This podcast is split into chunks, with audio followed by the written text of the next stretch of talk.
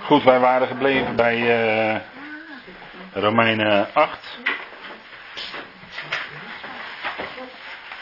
En we waren gebleven eigenlijk bij dat woordje voornemen. En ik wilde graag met u gaan lezen in Romeinen 9.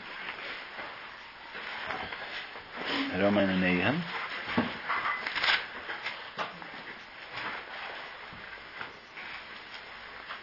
Dat vind ik eigenlijk wel een uh, heel mooi stukje. En dat gaat dan over de. wie dan echt de, de kinderen van God zijn. En daar, daar komen we natuurlijk ook nog wel over te spreken binnenkort. Romeinen 9.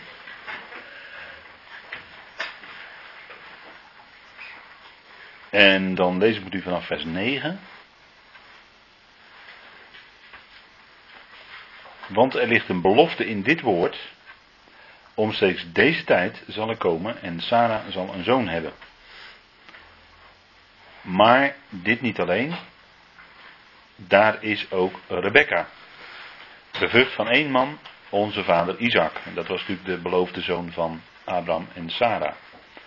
Want toen de kinderen nog niet geboren waren en goed nog kwaad hadden gedaan, dus ziet u dat het helemaal los staat van de eigen werken, opdat het verkiezend voornemen, hè, dus hier wordt ook het woord uitkiezen gebruikt en het woord voornemen, Gods zou blijven, en dan staat er nog even ter onderstreping bij, niet op grond van werken, maar op grond van daarvan dat hij riep, werd tot haar gezegd, de oudste zal de jongste dienstbaar zijn. Maar toen was ze nog niet van die kinderen bevallen.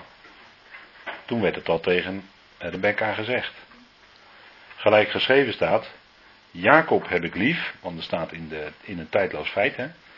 Jacob heb ik lief, maar Esau haat ik. En haten betekent dan op de tweede plaats stellen. Hè? Betekent niet het, uh, het haten zoals wij dat. Uh, maar het betekent op de tweede plaats stellen. Dus Jacob heb ik lief en Esau haat ik.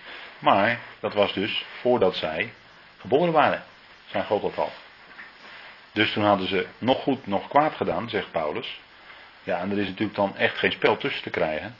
En dan staat er ook bij, het is niet op grond van werken, maar grond, op grond daarvan dat hij riep.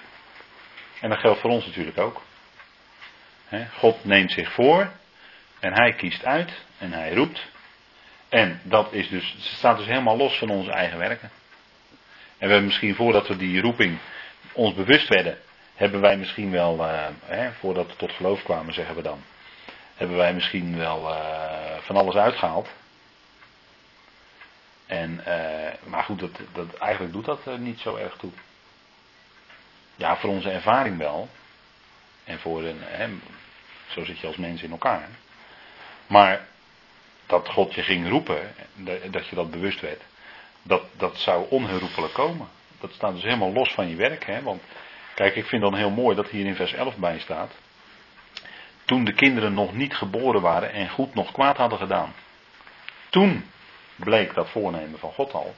Want hij zei al tegen Rebecca, dat hij Jacob lief heeft en Esau haat.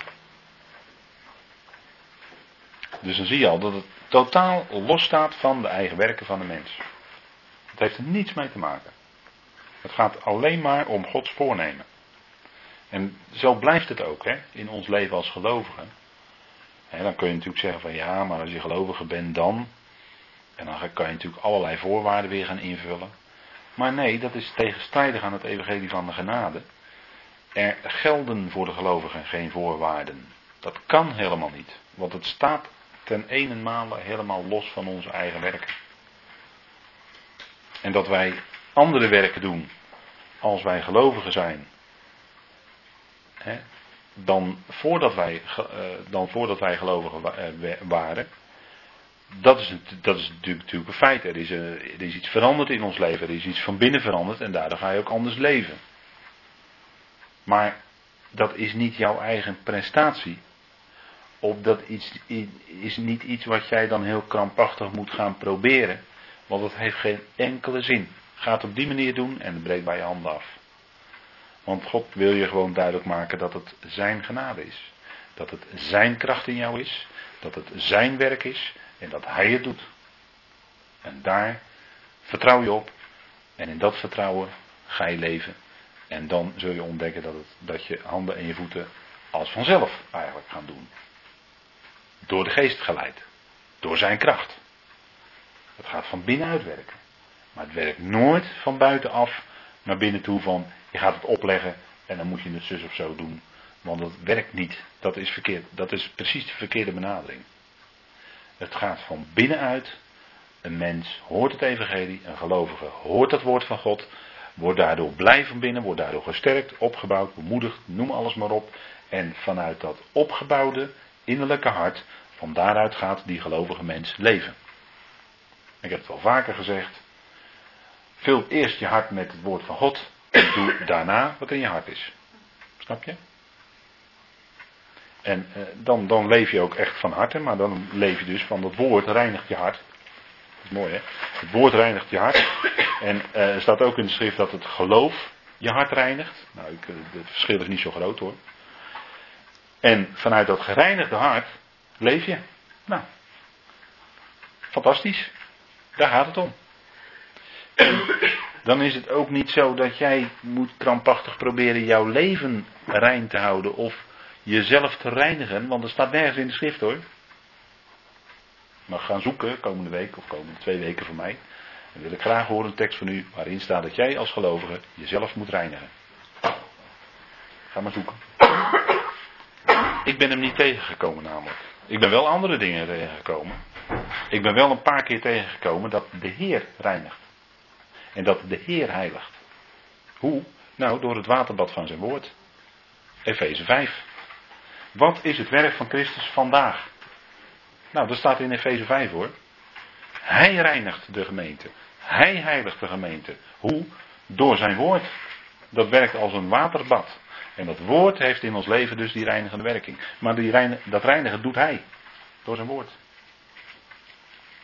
En een prachtige illustratie daarvan is dat de Heer Jezus zijn discipelen de voeten wast.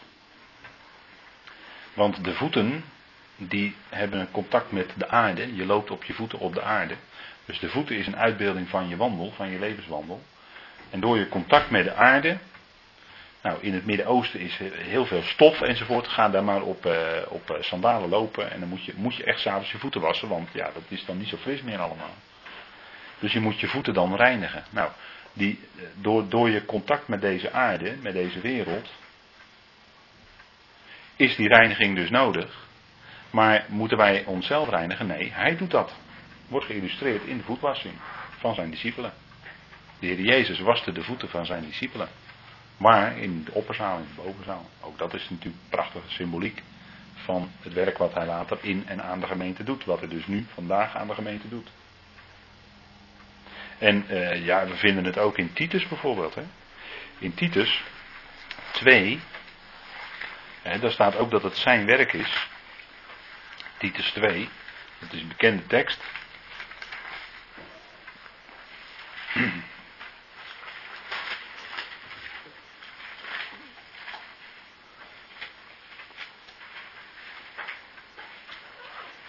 He, er staat dus dat wij verwachten de zalige hoop en de verschijning der heerlijkheid. Nou, ik ga ervan uit dat wij allemaal in die verwachting leven. Wij verwachten de zalige hoop. Dat is onze zalige verwachting. Gelukkige verwachting. En de verschijning van de heerlijkheid van onze grote God en redder Christus Jezus. Hè, Titus 2 vers 13. Die zich voor ons heeft gegeven. Om ons vrij te maken van alle ongerechtigheid. En voor zich te reinigen een eigen volk. Volijverig in goede werken. Dus wie doet dat reinigen? Dat staat hier ook, hè? Dat doet Christus Jezus. Want er staat en voor zich te reinigen. Dus hij reinigt. Hoe? Nou, door zijn woord. Hij reinigt ons. Wij hoeven niet zelf allerlei dingen te doen om te proberen onszelf te reinigen. Dat kunnen we helemaal niet. Maar hij doet dat. En dan gaat het om onze dagelijkse praktische situatie. Want wij zijn al lang afgewassen. Wij zijn al lang geheiligd en gereinigd. Dat is al lang een feit.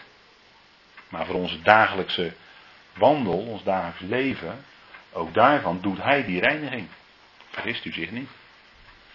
dus hier onderstreept Paulus het nog eens een keer, maar hij zegt het in Efeze 5 ook. Kijk, en dat kom ik wel tegen bij Paulus. Ik kom niet tegen dat, dat wij moeten, onszelf zouden moeten reinigen.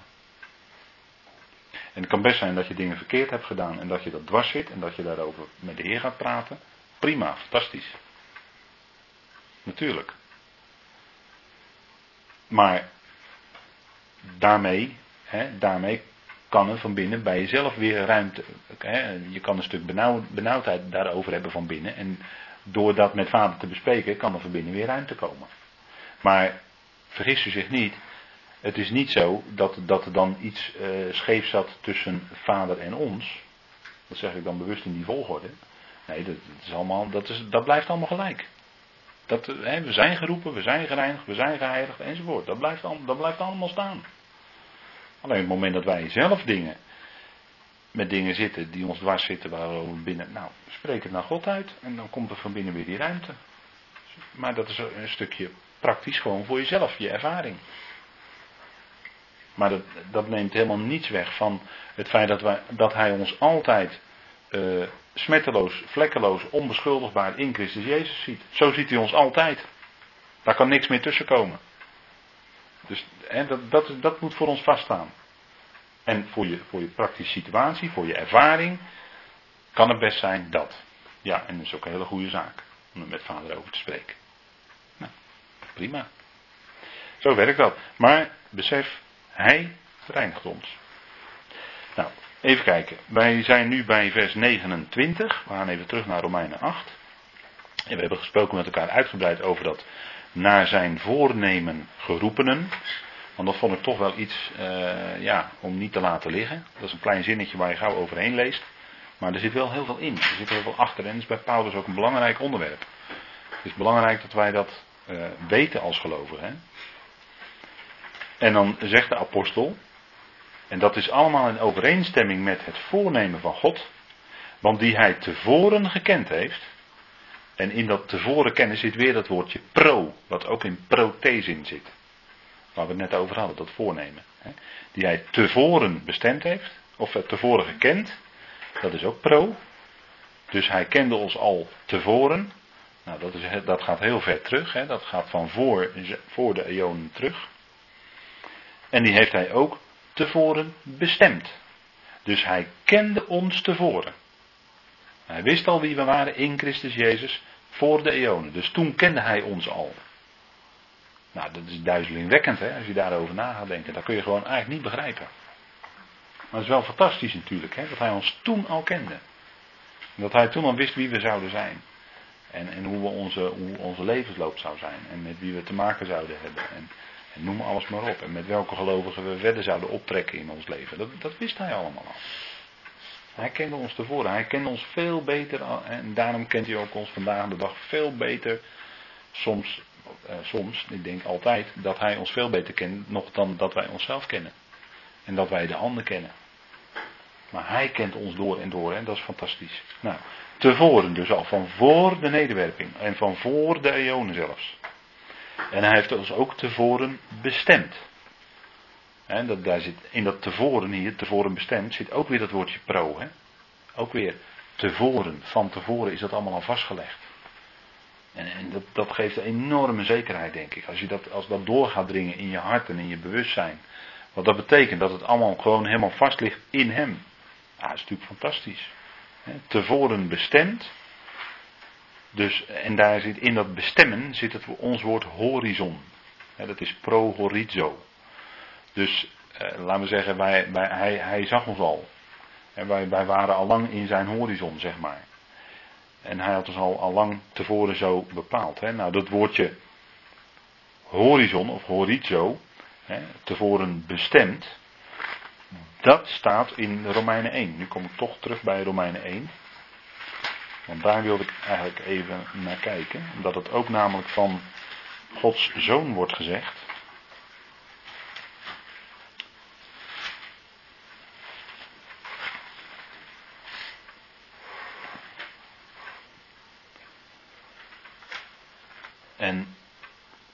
Daar staat in vers 4, daar wordt dan van de Heer gezegd, naar de geest der heiligheid, uit opstanding van doden, verklaart Gods zoon te zijn in kracht.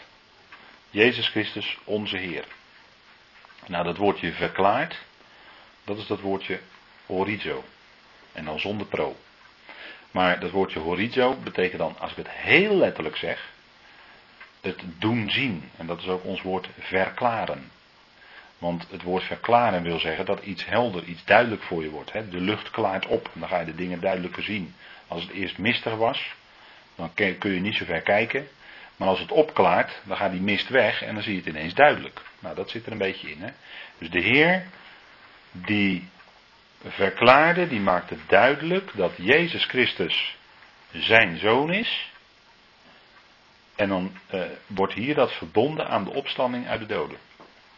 Dus toen hij uit de doden opstond, toen God hem opwekte uit de dood, toen werd overduidelijk, toen werd het klaar en helder, en in de loop van de tijd gaat dat voor iedereen helder worden, dat hij, Jezus Christus, Gods zoon is.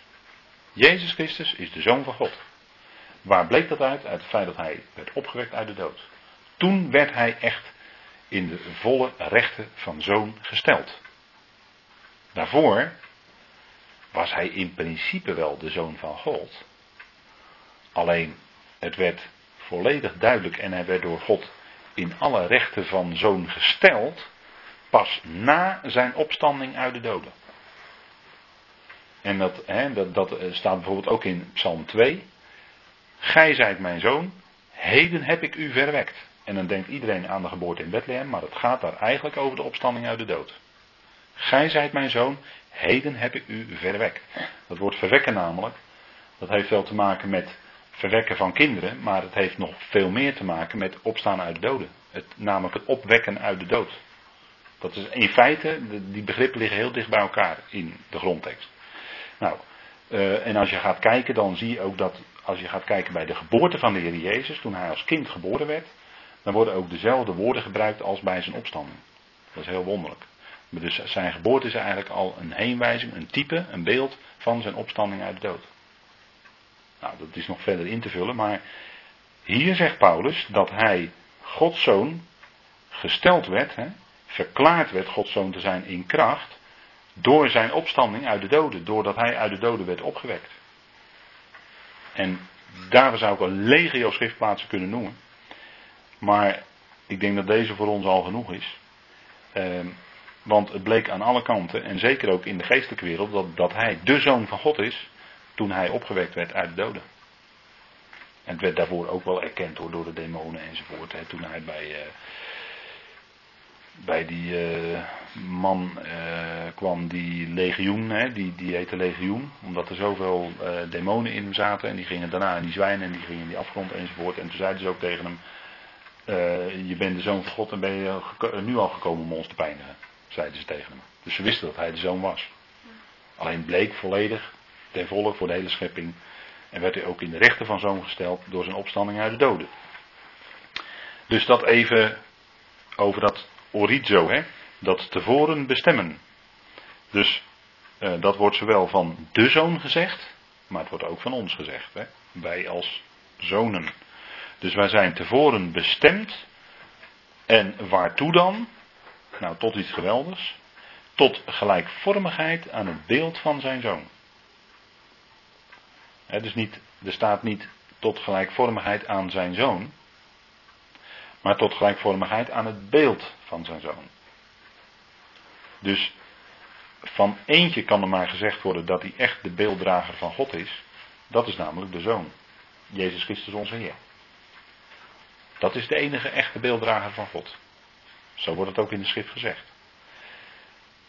En wij worden gelijkvormig aan het beeld van zijn zoon. En dat is natuurlijk fantastisch. En dat is nu al zo, maar dat is dan nog heel beperkt. In zoverre er in ons iets te zien is van de zoon, dan gaat het om zijn wezenskenmerken, zeg maar, zijn karaktertrekken, hoe, hoe je dat noemen wil, vrucht van de geest. eh, wat zich uit in liefde, vreugde, vrede, geduld, eh, noem maar op. Dat als dat bij ons te zien is en toeneemt, dan is daar iets te zien van het beeld van de zoon in ons. En dat is dan nu. Dat is een klein stukje heerlijkheid. En straks, als wij verheerlijkt worden bij de bezijn Gods, de vrijkoping van ons lichaam noemt Paulus dat hier in Romeinen 8, dan zijn wij echt gelijkvormig aan het beeld van de zoon. En dan zullen wij ook een heerlijkheidslichaam hebben, wat net is als het zijne. En dan zullen we ook net zoveel licht uitstralen als wat hij nu doet. En dat is natuurlijk enorm. En daarvoor zijn wij bestemd. Dus het is geen twijfel mogelijk dat dat ook in ons bereikt zal worden. Dat is alleen maar een kwestie van tijd. Dat is alleen maar een kwestie van afwachten. Maar het komt vanzelf. Want het staat net zo in die rij van tevoren gekend, tevoren bestemd, helemaal in overeenstemming met zijn voornemen. En dat is opdat hij, want het gaat natuurlijk om hem, opdat hij de eerstgeborene zou zijn onder vele broederen. En dat hij de eerstgeborene is, nou, dat is ook een eretitel. Hij is de, en dat is net iets anders, maar in, tenminste als je het uitspreekt, hij is de enig geboren zoon van God. Dat kan nooit van ons gezegd worden. Wij zijn wel zonen, maar van ons kan nooit gezegd worden dat wij enig geborenen zijn. En ook van ons kan nooit gezegd worden dat wij eerstgeborenen zijn. Er wordt van ons wel gezegd dat wij eerstelingen zijn. Maar niet eerstgeborenen. Dat wordt van hem gezegd, want het staat hier ook opdat hij de eerstgeborene zou zijn onder vele broederen. Dus degenen die daarna broeders zijn geworden, al die gemeenteleden, die zijn dus na hem, maar die zijn dus niet meer het eerst. En ook daarin is het eigenlijk wel mooi dat ook dat woordje pro weer terugkomt. Hè? Dat zit ook in dat eerstgeborene. Pro totokon in het Grieks. Dus dat is ook eerst. Dus voor al die anderen. Dus eh, tevoren eh, gewekt, dat heeft te maken met verwekken inderdaad. Ja. Pro. Dus de eerste is hij, onder vele broederen. En natuurlijk is het ook hij die alle eer krijgt. Hij is het die ons de kracht geeft. Hij is degene die ons genade schenkt. Hij is degene die ons reinigt. Het draait allemaal om hem. Hij is tenslotte ook het hoofd van het lichaam, de uitgeroepen gemeente. En hij is ook de eerstgeborene van de hele schepping. Zegt Paulus in Colossense. Hij is de eerstgeborene van heel de schepping. En hij is de eerstgeborene uit de doden. Dat wordt ook in, uh, dat wordt ook in Colossense 1 gezegd, in hetzelfde stukje. Hij is de eerstgeborene uit de doden. Nou, hij is de eerstgeborene onder vele broederen. En dan staat er verder, en die hij tevoren bestemd heeft. Hè, dan herneemt Paulus eigenlijk zijn betoog. Want dit was dan een soort tussenzin, maar wel een hele erg belangrijke. En die hij tevoren bestemd heeft, deze heeft hij ook geroepen. Dus dat is ook iets wat al gebeurd is. Voor degenen die zich nou nu bewust zijn. En er zullen natuurlijk nog mensen zijn die zullen daadwerkelijk in de tijd nog geroepen worden. Tot het moment dat de bezuin klinkt. Maar wij weten dat, wij, dat hij ons geroepen heeft. Want wij zitten hier. En wij luisteren naar zijn woord. En wij geloven dat. En dus zijn we geroepenen. Klaar. Nou, dat roepen is dus ook van hem. En die hij geroepen heeft, deze heeft hij ook gerechtvaardigd. niet rechtvaardig gemaakt, want dat kan niet. Maar hij heeft ons rechtvaardig verklaard.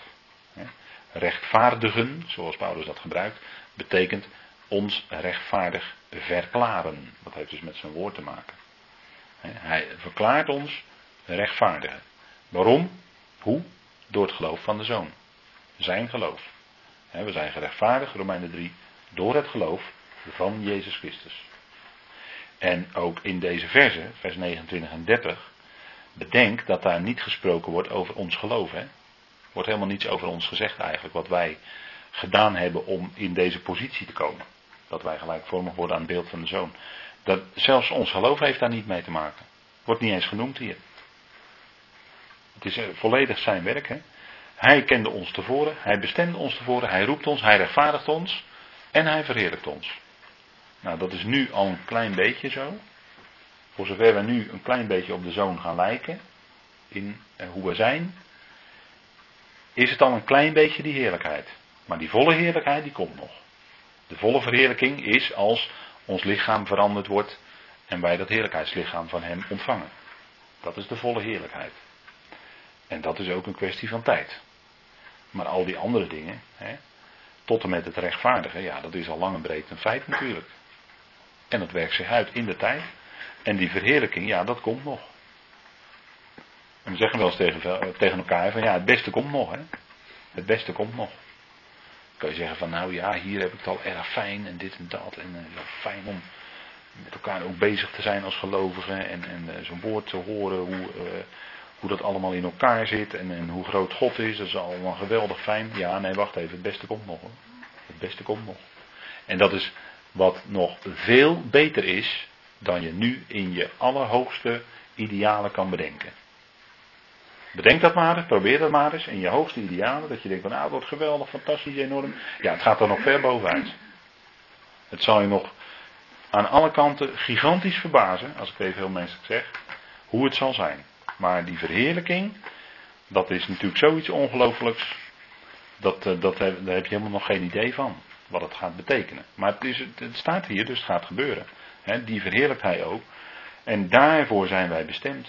Dat is eigenlijk ongelooflijk, want Paulus gaat hier wel naar het hoogtepunt. Het hoogtepunt is natuurlijk dat wij gelijkvormig worden aan het beeld van de zoon. Tenminste vind ik het hoogtepunt hoor. Kan hem gelijkvormig zijn, dat is eigenlijk ongelooflijk. Wie? Ik? Denk je dan? Ik? Groot vraagteken. Ik? Onvoorstelbaar. Ja, ja, jij ook. En ik ook. Mag ik zelfs van mezelf ook nog zeggen. Waarom? Niet omdat ik nou zo'n beste brave. Nee, helemaal niet. Maar omdat het hier staat. Waar gaat het om? Het staat hier. En, en dat is doorslaggevend. Hè? Zijn woord. Hij verklaart onze rechtvaardig. Dat heeft met zijn woorden te maken. Nou, dat is allemaal. En het is allemaal ook gelukkig zijn werk. Gelukkig hangt niet af van mijn eigen werk. Gelukkig niet zeg. Jongen, jongen, jongen. Nee. Maar het is allemaal zijn werk. Hij heeft het gedaan en hij heeft het zich voorgenomen. En hij werkt het uit in de tijd. Klaar uit. En, en, en daar is geen spel tussen te krijgen. En, ja, je kan natuurlijk als gelovige zeggen van ja, nou, ik vind het allemaal wel moeilijk hoor. En zou dat allemaal wel zo zijn? En ik heb het allemaal moeilijk mee. En, en ja, gaat God het nou echt allemaal wel doen? En kan je natuurlijk allemaal afvragen, maar dat, je dat afvragen maakt, heeft er geen enkele invloed op op wat hier staat. Want wat hier staat, staat er. En dat gaat gewoon ook zo gewoon gebeuren. En dan kunnen 10 miljoen gelovigen honderd keer twijfelen, maar het gaat wel gewoon gebeuren. Dat, heeft er ook helemaal niks mee te maken of wij het misschien wel heel erg geloven of toch nog een beetje twijfel in ons hart is uh, enzovoort. Het maakt allemaal niet uit. Het maakt allemaal niet uit. Maar het gaat gewoon gebeuren. Het ligt vast. En, en, en die zekerheid, hè, dat het gewoon vast ligt. En ligt niet in jezelf, maar het ligt allemaal in hem vast. En dat vind ik het geweldige van het evangelie. Want dat is dan ook echt goed nieuws. Dat is dan ook iets waar je, denk ik, van binnen blij van wordt. Van, van zo'n boodschap, van wat hier staat. Het is helemaal zijn werk en het is dus helemaal genade. Kijk, en dat is nou genade. Dat je zegt van ja jongens, ongelooflijk dat ik er ook bij mag horen. En dat is eigenlijk onvoorstelbaar. Ja, nou inderdaad, maar dat is dus ook dan genade. Hè? Dan gaat het ook helemaal niet meer om ons, maar dan gaat het om hem. En dan wil je ook alleen maar alle eer aan God geven in je leven. Nou, ik denk dat het voor ons ook daarom gaat. Tot zover, tenzij er nog vragen zijn.